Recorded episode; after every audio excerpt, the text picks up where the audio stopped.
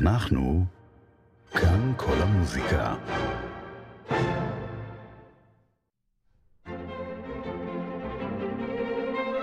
מגזין כאן כל המוזיקה.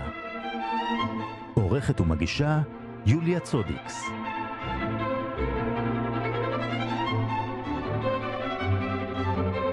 ערב טוב למאזיני כאן כל המוזיקה, הפקה חדשה באופרה הישראלית, שתי אופרות קצרות, אלקו מאת רחמנינוב וקבלריה רוסטיקנה של מסקני, ואיתנו מיכאל אייזנשטט, המתאם האמנותי של האופרה הישראלית. שלום מיכאל.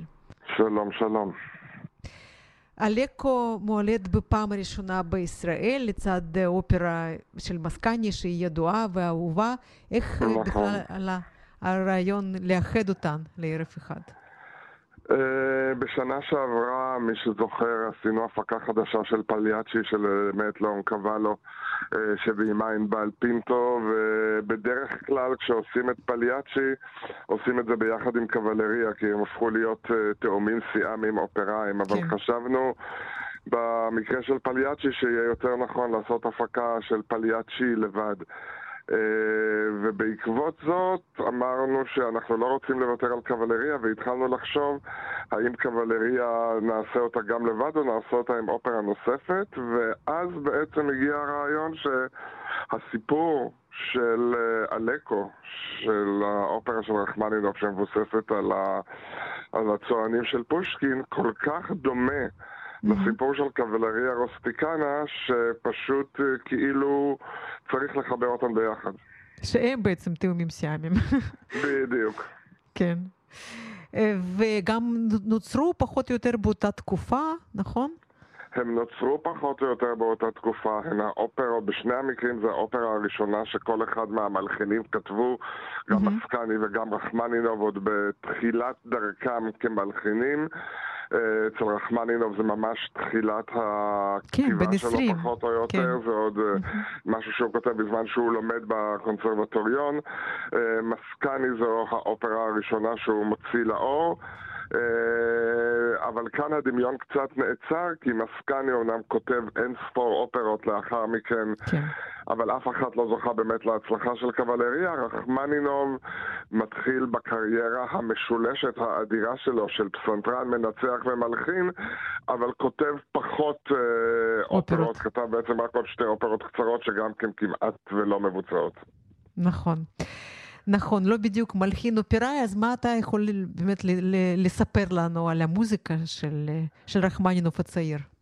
אני חושב שמה שכולם מדברים תמיד על רחמנינוב כשמסתכלים אה, כיום על, על היצירה שלו זה שמצד אחד הוא היה אולי אחרון הרומנטיקאים ה, של המוזיקה הרוסית שמאוד הושפע מהמוזיקה של צ'ייקובסקי שהוא הריץ אותו אבל מצד שני, כמו שהוא היה אחרון הרומנטיקאים, הוא גם היה ראשון השכלתנים שהתחיל לכתוב בסגנון מאוד מאוד ספציפי לעצמו. אה, שוב, אה, כיוון שהוא עובד כל כך הרבה כאומן מבצע, גם פסנתרן וגם מנצח, אה, אין לו המון זמן להלחין יחסית. מלחינים אחרים שחיו 70 שנה הלחינו הרבה הרבה יותר. אבל אה, וכיום שאם שואלים אנשים רחמנינוב, אז בראש ובראשונה מדברים על הקונצ'רטו השני והשלישי לפסנתר בסופו של דבר, שהם יצירות המופת המוכרות שלו והכי מבוצעות בעולם. אבל אני חושב שאפשר באלקו לגלות כבר מצד אחד את השורשים הרומנטיים שרחמנינוב מעריץ, ומצד שני את הכיוונים החדשים שהוא הולך לקחת, והוא כותב מוסיקה שהיא מאוד לא רומנטית על סיפור שיש בו אלמנטים רומנטיים, אבל הוא לא מעוניין בעצם ברומנטיקה המשתפכת של הסיפור, אלא הרבה יותר בדמויות עצמן, והוא מתאר אותן בצורה דרמטית מאוד מאוד אינטנסיבית. כן. גם 150 שנה להולדתו השנה, ואני חושבת שזה... 150, כן. אז יפה ככה להתחיל את השנה באופרה עם אופרה שבפעם זה- הראשונה בעצם נכון, מועלית, זה כן. מלחין שבעצם לא, אה, קהל האופרה לא, לא התוודע אליו, ומה שמעניין זה שהבמאי שלנו, הבמאי ז'ואן אנטון רקי, שהוא במאי מאנדורה, שעושה את הערב המשולב הזה, אמר שמבחינתו ככל שהוא חדר יותר, אם בהתחלה הרעיון שלו היה בעצם שעושים כמו תמיד שעושים שתי אופרות, מעלים אופרה אחת הפסקה ואז מעלים אופרה שנייה וכל יצירה עומדת בפני עצמה, הוא הבין שבעצם הסיפור הוא כמעט אותו סיפור והוא יוצר מבחינתו ערב אחד, הוא לא יוצר שני סיפורים. Uh-huh. הוא יוצר ערב אחד שהסיפור שם בעצם חוזר על עצמו בצורה כזאת או אחרת, wow, okay.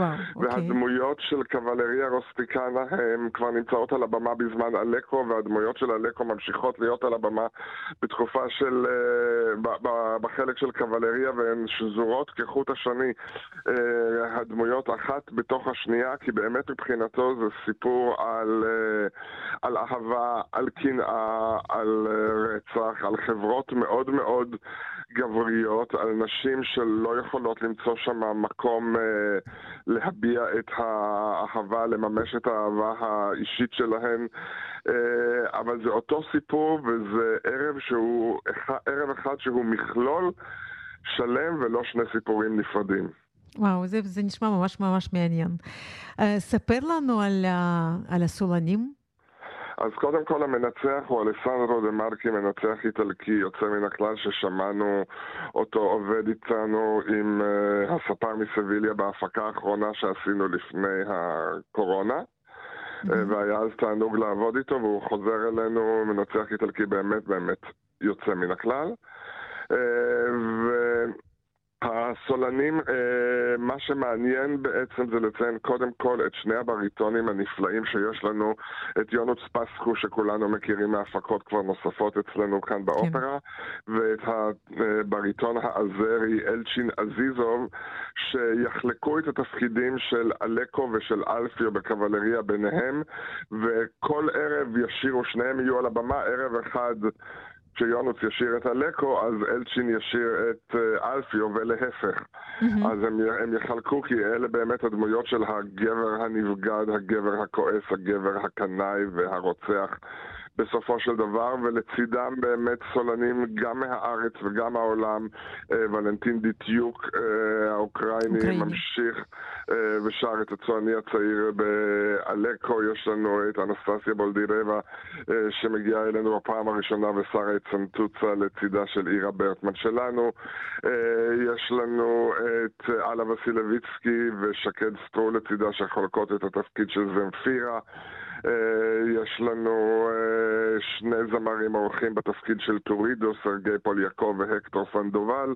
אה, ענת שרני וטל ברגמן חולקות את לולה בקבלריה, שי בלוך ורונה שרירה הן מאמה לוצ'יה בקבלריה, וכמו שאמרתי, הם נמצאים על הבמה כמעט כולם כל הערב בסיפור שהוא, בסיפור שהוא מאוד מאוד... אמיתי, זה כאילו וריזמו, כאילו קבלריה זה שיא של הווריזמו באיטליה, אה, וגם רחמנינוב כותב כאן סוג של וריזמו, הוא קצת מתנתק מהרומנטיקה במרכאות או לא, שיש יותר אצל פושקין, נכון. ומתמקד בסיפור עצמו ולא כל כך בדברים מעבר, אה, ויוצר אה, מעין וריזמו רוסי כזה. שני גברים שכל אחד מסיבתו שלו לא מוכן לקבל את uh, מה שקורה בחיי האהבה שלו ובסופו של דבר מה שמעניין זה שניהם רוצחים את ה... אה, את מי שפגע בהם, אבל הם לא מואנשים בסופו של דבר. אנחנו, זה לא כמו קרמן שבסוף האופרה אחרי שז'וזה הורג את קרמן, החיילים באים ולוקחים אותו למעצר ולמשפט. אה, אלפיו בסוף האופרה, אנחנו לא יודעים מה קרה איתו, אבל סיציליה, כפי הנראה, אלה היו חיי כללי המשחק. אז ואלקו, גם כן, הצוענים לא מסגירים אותו, הם פשוט מסלקים אותו מהם. הם אומרים לו, אתה לא יכול לחיות איתנו יותר, אבל הם לא... אה, מוסרים אותו לשלטונות. אה, כך שיש כאן איזה בעיות מוסריות כאלה ואחרות, אבל צריך לזכור שהאופרות באמת נכתבו לפני, לפני למעלה ממאה שנים, היום מסתכלים על הכל בצורה אחרת, ואני חושב שמה שיהיה מעניין וחשוב לראות בהפקה שלנו בסופו של דבר זה את העוצמה הגדולה של הנשים האלו, גם של סנטוצה, גם של כן. לולה בקבלריה וגם של זמפירה באלקו, שלמרות שהן משלמות מחיר נורא על אהבתן החופשית, עדיין אה, לא מוותרות על החופש שלהן לחיות כמו שהן רוצות. אלקו וקבלרי רוסטיקנה באופרה ישראלית, מיכאל אייזנשטט, המתאם אמנותי של האופרה. אני מאוד מודה לך. תודה רבה, כל טוב. יום טוב, להתראות. יום טוב. ואנחנו נשמע כמה צלילים מתוך האופרה אלקו מאת רחמנינוב.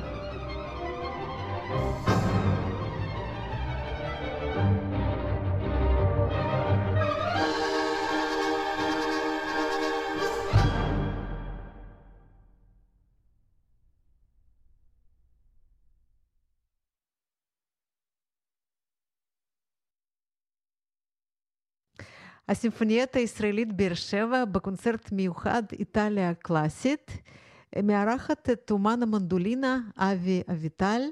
שלום אבי. שלום, שלום. גדלת בבאר שבע, למדת באיטליה, עכשיו הכל ככה בערב אחד. בדיוק, ממש ככה, לא חשבתי על זה עד עכשיו. כן. אבל כן, זה, זה, זה, זה התרגשות גדולה בשבילי לחזור לתזמורת שסיפקה לי את החוויות הראשונות של מוזיקה סימפונית. אני זוכר את עצמי, אני זוכר את הקונצרט הראשון ששמעתי, סימפוני בחיי, וזה היה עם הסימפוניית באר שבע, אז, אז אני ממש מתרגש לחזור לבמה הזו. באמת הלב שלי שם. ולהביא איתי את כל מה שאספתי בתיק הגב הבלתי נראה שלי. כן. במסעותיי, בחוויות שלי, בתקופה שחייתי באיטליה, בינתיים התפתחתי. כן. אמ, וזה הכל באמת מתנקז בערב הזה. הרפרטואר הוא איטלקי, המנדולינה היא איטלקית. נכון, אה, מאוד. כלי מאוד איטלקי, נכון? סופר איטלקי. כן, המנדולינה כמו שאנחנו מכירים אותה כיום בעצם התפתחה מהכלי מנדולינה, הוא כלי אה, ברוק, כלי מאה ה-17, מאה ה-18, ממש אה, אה, שהתפתח באיטליה, אה, ו, ועד היום הוא מין שם נרדף לתרבות האיטלקית, בעיקר לדרום איטליה, לעיר נפולי, שם המנדולינה תופסת מקום מיוחד. אז מעניין שגם המלחינים שכתבו למנדולינה השתמשו ב, בתדמית הזאת, ב, ב, קצת, בקצת עממיות שלה, אבל גם בגלנטיות אה, ובטח בחום הדרום-איטלקי שהיא מקרינה. ומה קורה, אנחנו תכף ניגש לתוכנית הקונצרט, אבל מה קורה עכשיו עם המנדולינה? אני יודעת שאבנר דורמן כתב קונצ'רטו למנדולינה שאתה ביצעת והיית מועמד לגרמי על התקליט הזה, אבל עכשיו זה מעניין מלחינים של היום? מאז שאבנר דורמן כתב את הקונצ'רטו למנדולינה, זה היה ב-2006, ועד היום נוספו אה, למעלה מ-100 יצירות מקוריות למנדולינה. הרבה mm. מהן, אה, זאת אומרת, אני, אני יודע, על, עצמי אני יכול להעיד שאני ביצעתי אה, ביצועי בכורה של יותר מ-100 יצירות שנכתבו למנדולינה, או ככלי סולני או כחלק מהרכב. אז בהחלט יש רנסאנס. אה, ובהחלט יש התעניינות, זאת אומרת, אני ממש מרגיש, מרגיש את זה, דברים שלפני עשר או חמש עשרה שנים היו נראים לי מדע בדיוני, או לפחות חלום רחוק, הם עכשיו, אה, הם עכשיו לגמרי קורים, אם זה אולמות גדולים, אה, או תזמורות, אה, ומלחינים שכותבים לכלי. זאת אומרת, זה נהיה משהו שהוא מאוד, להפך, שמאוד... אוהבים לארח אותו באולמות קונצרטים בעולם, אני חושב שזה מביאה משהו שהוא, שהוא עדיין רענן, שהוא, שהוא לא כזה מוכר כמו כן. הכינור או הפסנתר, אה, וזה בא לידי ביטוי בהרבה צורות. עכשיו, זה מצחיק, היום אה, הכריזו בגרמניה, זה משהו שידעתי עליו, אבל לקראת השנה החדשה בגרמניה, משרד התרבות הגרמני מכריז, הכריז על המנדולינה כזאת שנת המנדולינה. כל שנה הם מכריזים אה, כלי נגינה ומרכזים בו, שולחים למערכת החינוך, למערכת התרבות, ככה, יש כל שנה כלי אחד שהוא בפוקוס, וזה תמיד היה כינור, אחרי זה צ'לו, אחרי זה קונטרבאס, אחרי זה קלרינט, ופעם ראשונה שהם אה, אה, הכתירו את המנדולינה השנה, זה, זה גם אומר משהו. אז זה שנה שלך גם, כן. לנגני מנדולינה יהיה הרבה עבודה, כן. בדיוק. כן.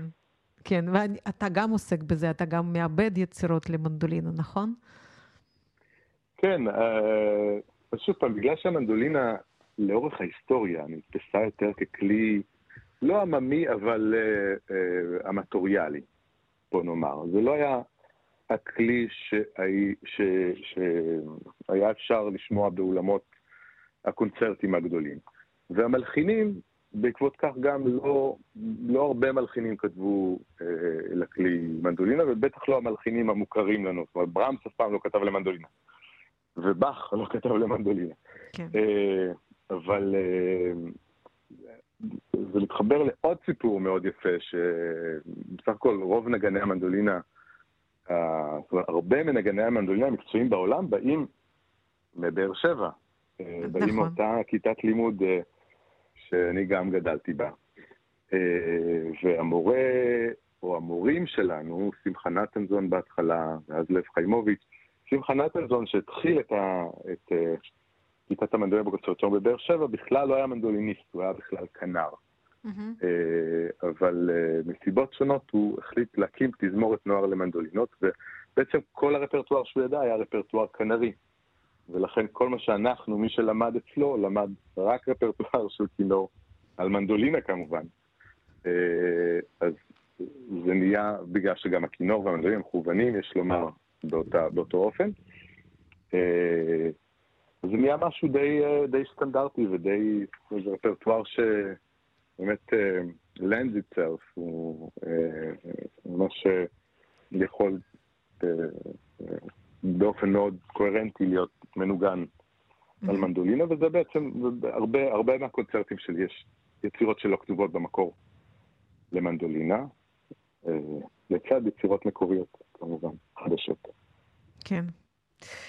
יופי, אז מה, מה תנגן בקונצרט בבאר שבע? אז כמו שאמרנו, איטליה היא הכ- הכותרת כן. של הקונצרט, ובחרתי שני קונצ'רטים מקוריים במקרה הזה למנדולינה, שגם מצלמים את שני קצוות. הקונצ'רטו הראשון הוא העתיק, הקונצ'רטו של אנטוניו ויוולדי למנדולינה, בעצם הקונצ'רטו מהמם. היחיד שהוא כתב למנדולינה לבד. כתב עוד קונצ'רטו לשתי מנדולינות.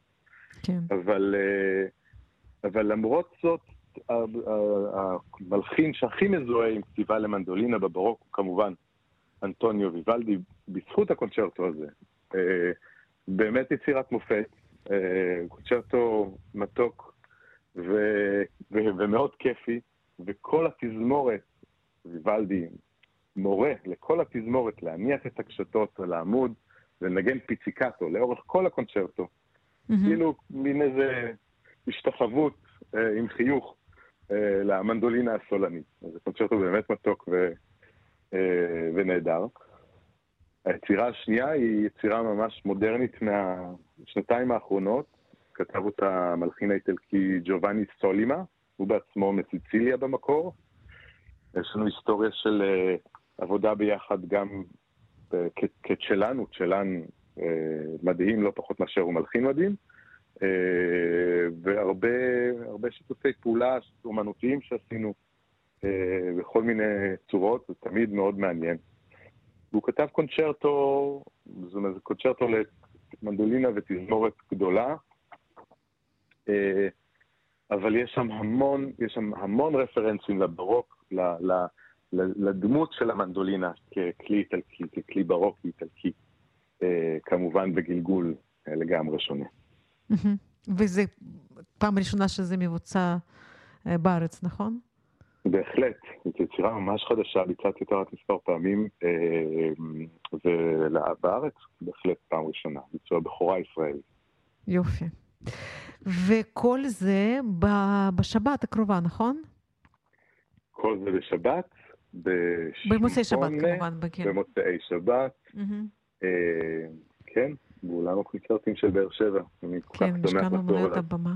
כן, וגם התזמורת גם מנגנת את הסימפוניה האיטלקית של, של מנדלסון, שזה כן ככה חמוד, ככה לצרף את היצירה הזאת לקונ, לקונצרט איטלקי, ואת אה, ריספיגי ורוסיני כמובן, מלחינים איטלקיים שלא חסר.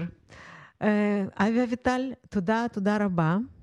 ואנחנו נשמע צלילים מהקונצ'רטו של ויוולדי למנדולינה שדיברת עליו, ושיהיה בהצלחה.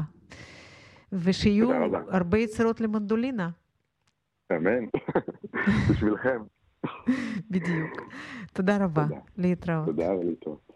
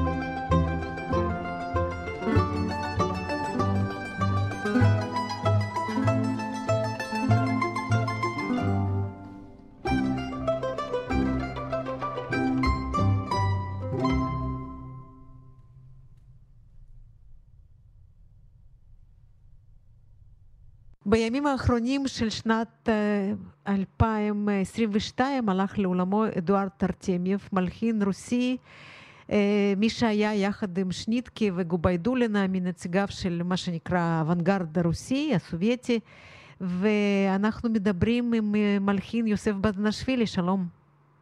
שלום, שלום. אדוארד ארטמיев כמעט ולא מוכר בארץ, עם זה הוא היה מלחין דגול ואנחנו רצינו לדבר עליו קצת. נפטר ממש לפני שבוע בגיל 86, נכון. והכרת נכון. אותו. אני הכרתי אותו, כן, היינו ממש חברים. הכרתי אותו מאוד. הוא היה אצלי בגיאורגיה, טיילנו ביחד ועבדנו ביחד. ו... היה חברות מאוד קרובה. הוא איש, אחד המלחינים דווקא הגדולים מהדור הקודם, בוא נגיד דור קודם, אני מתכוון מ-86, זאת אומרת הוא נולד שנת 40, 40, 41 אם אני לא טועה. זה הדור שאנחנו היינו מאוד uh, מקושרים אחד מהשני. גדלנו ביחד. כמה שהם היו כן. יותר גדולים, בוא נגיד, אבל עדיין היינו מאוד מאוד קרובים. סוף סוף. זה כואב לי נורא שמלחינים מצוינים, דווקא בארץ פחות מכירים איתו.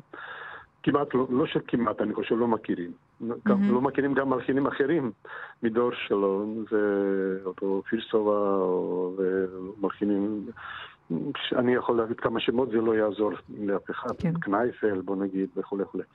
זה מלחינים מצוינים ממש, וכולם זוכרים שנית כגוברדולינה.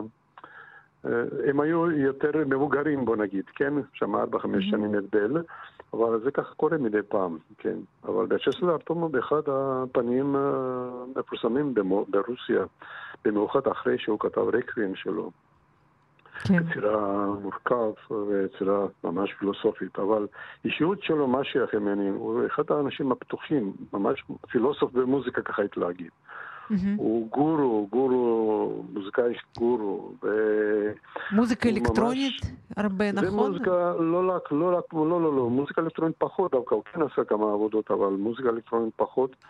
יותר uh, עולם המוזיקה בגדול, זה מוזיקה אבורגנים, זה מוזיקה עשייה, זה מוזיקה מדיטטיבית, ברור, זה מוזיקה טונאלית, סריאלית, כמעט הכל מה שקרה בשנים משנת 60, בוא נגיד, או סוף 50 עד היום, הוא משותף לגמרי.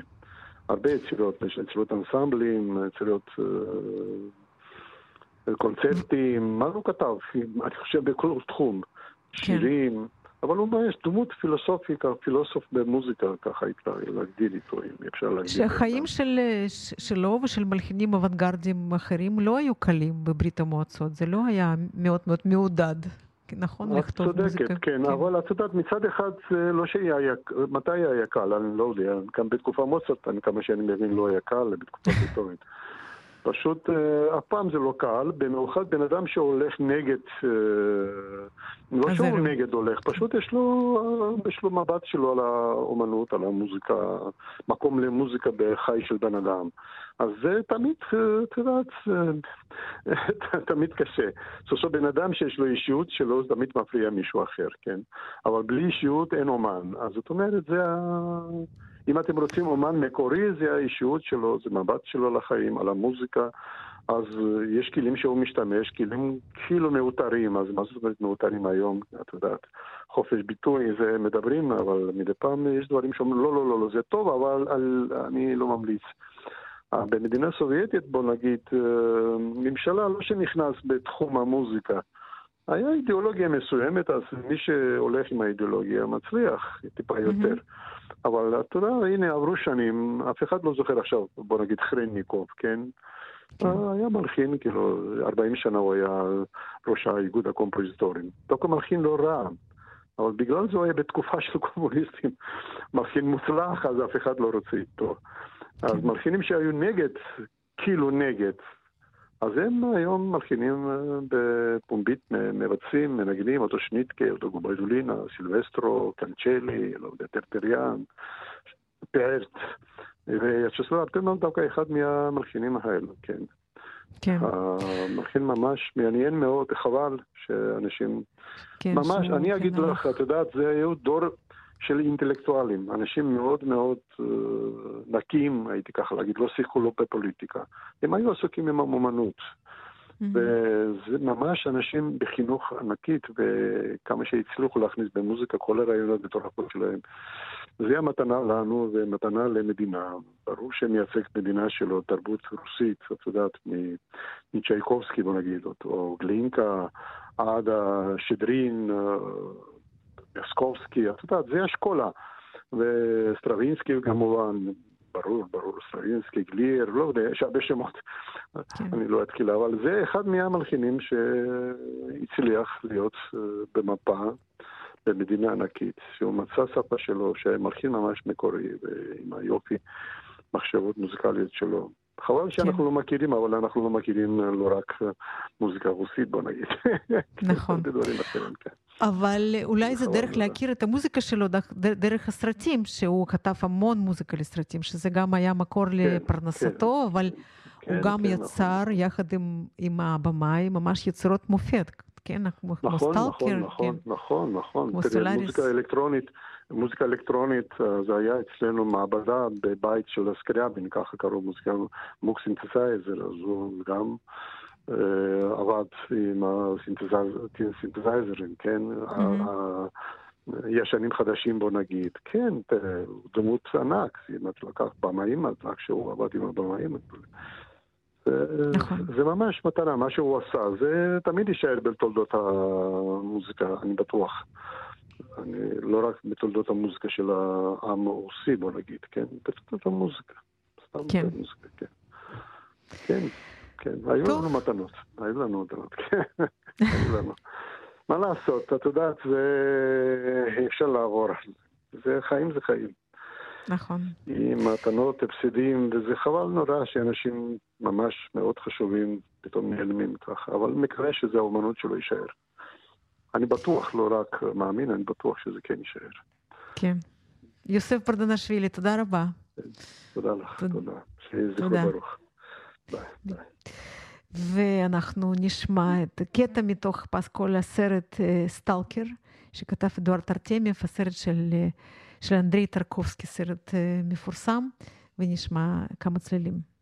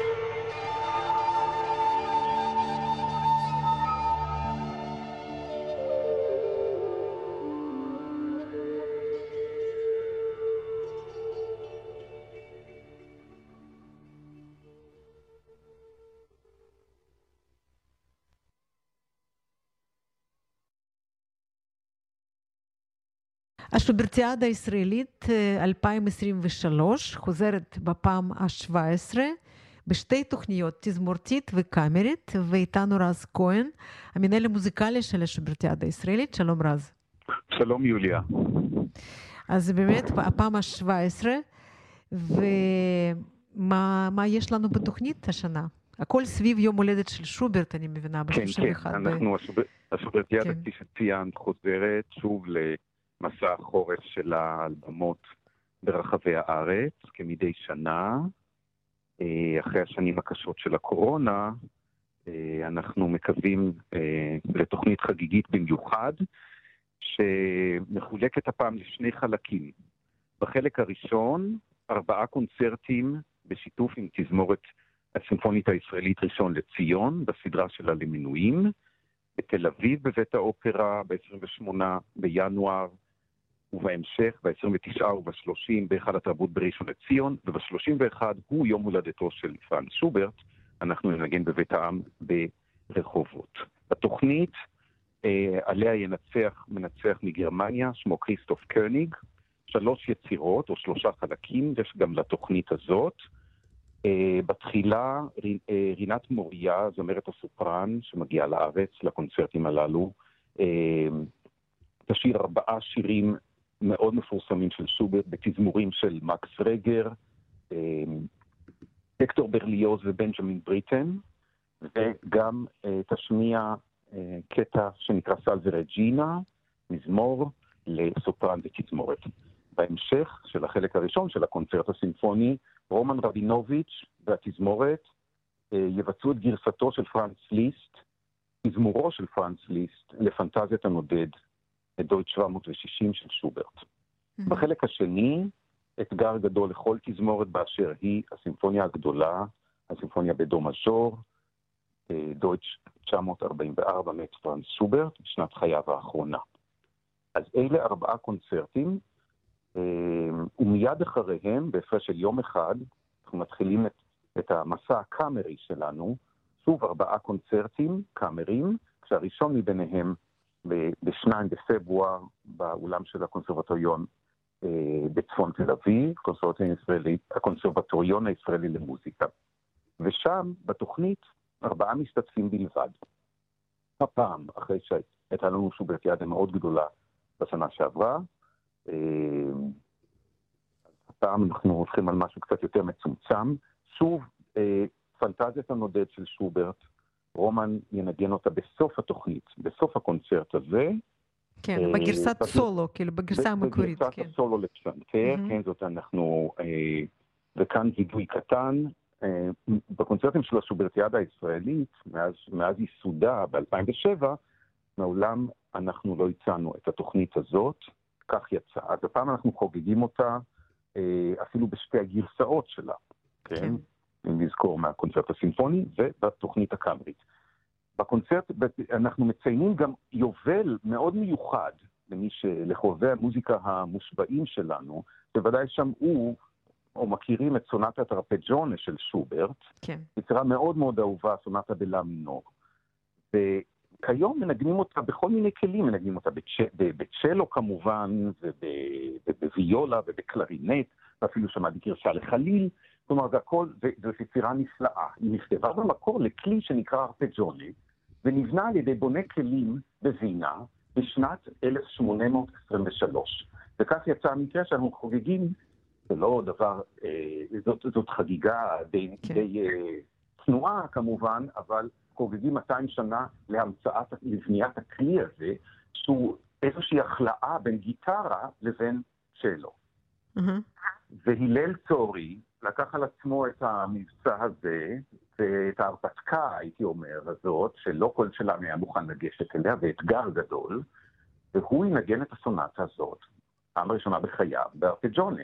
איתו כן. רומן רבינוביץ' בפסנתר. אז כך שיש לנו את זה בתחילת הקונצרט, ויש לנו שוב את הכבוד לארח בפעם הרביעית בתולדות השוברטיאדה הישראלית, ביקור רביעי שלו איתנו, את החוקר, הפסנתרן הדגול הבריטי אה, גראם ג'ונסון, שהגיע לכאן לנגן שלושה קונצרטים ושתי כיתות אומן לזמרים, בחמישה בחודש, בחמישה בפברואר, באקדמיה למוזיקה בירושלים, ביום למחרת, סליחה, בשישה בפברואר, יום שני, ובשבעה בפברואר באקדמיה בתל אביב, זמרים ופסנתרנים.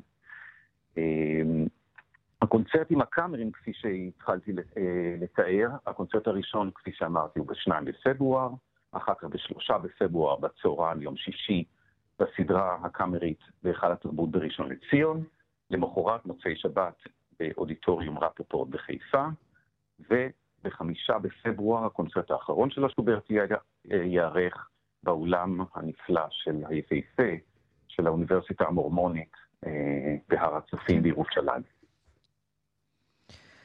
זה, זה נשמע באמת יפה ו, וגרנדיוזי, ורציתי לשאול אותך, לאושברטיאדה הישראלית היה תמיד אופי קאמרי, ועכשיו אה, אנחנו מדברים באמת על שתי תוכניות, והתוכנית התזמורתית היא מאוד אה, עניבה, אז אני שואלת, האם אתם באמת עכשיו הולכים לכיוון הזה יותר, או שזה פשוט ככה התחל, החלטתם לעשות השנה, ו, ובשנה כן. הבאה אולי, אולי אז, אחרת? אז, אז זה בדיוק, זה, זה הדבר השני שאמרת. שוברטיאדה היא כמובן מתרכזת מאז, מאז היווסדה ביצירות אה, ששוברט חיבר אה, בתחום המוזיקה הקאמרית, היצירות לפסנתר, בראש ובראשונה השירים הנפלאים.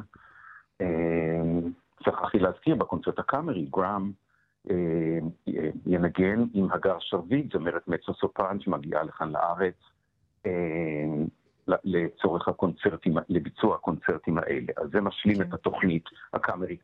תראי, אה, אני בתור מנהל הסוברטיאדה תמיד חיפשתי אפשרות קצת להרחיב את היריעה, נקרא לזה.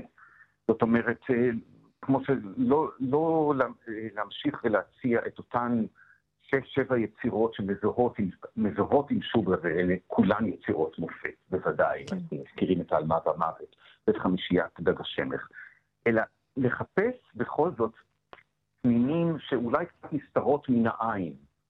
אמ, אני רוצה, ובמסגרת הרעיון הזה, או ההיערכות הזאת, המחשבה הזאת, אה, גם שיתופי פעולה עם תזמורות. אז ב-2020, ממש חודש לפני שפרצה פה הקורונה לחיינו, השלמנו אה, שיתוף פעולה בשוברטיאדה עם התזמורת הקאמרית הישראלית.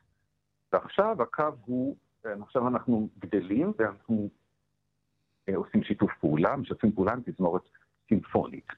כן. אה, אולי בהמשך גם אופרה. אני כן, אני לא בדיוק, בדיוק. יודע, אבל, אבל אני רוצה להזכיר פה את ה... אני חושב שאנחנו דיברנו על כך, מתאר אולי מה שמדגים יותר מכל את, את רוחב היריעה, זה באמת השוברטיאדה, אני חוזר חמש שנים אחורה, השוברטיאדה של 2018, ששם בכל הקונצרטים, בכל התוכניות, לא נוגנה יצירה אחת ששוברט כתב.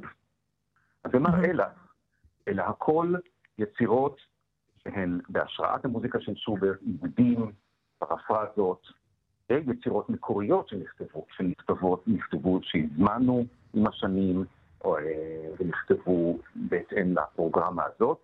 אה, כך שבמסגרת הזאת של אה, חיפושים, איך אפשר באמת להרחיב את הז'אנר הזה, מתוך נקודת המוצא שקשורה בשוברט, אז אני חושב שעשינו פה עוד אה, כמה, כמה דברים אה, מאוד יפים בכיוון הזה.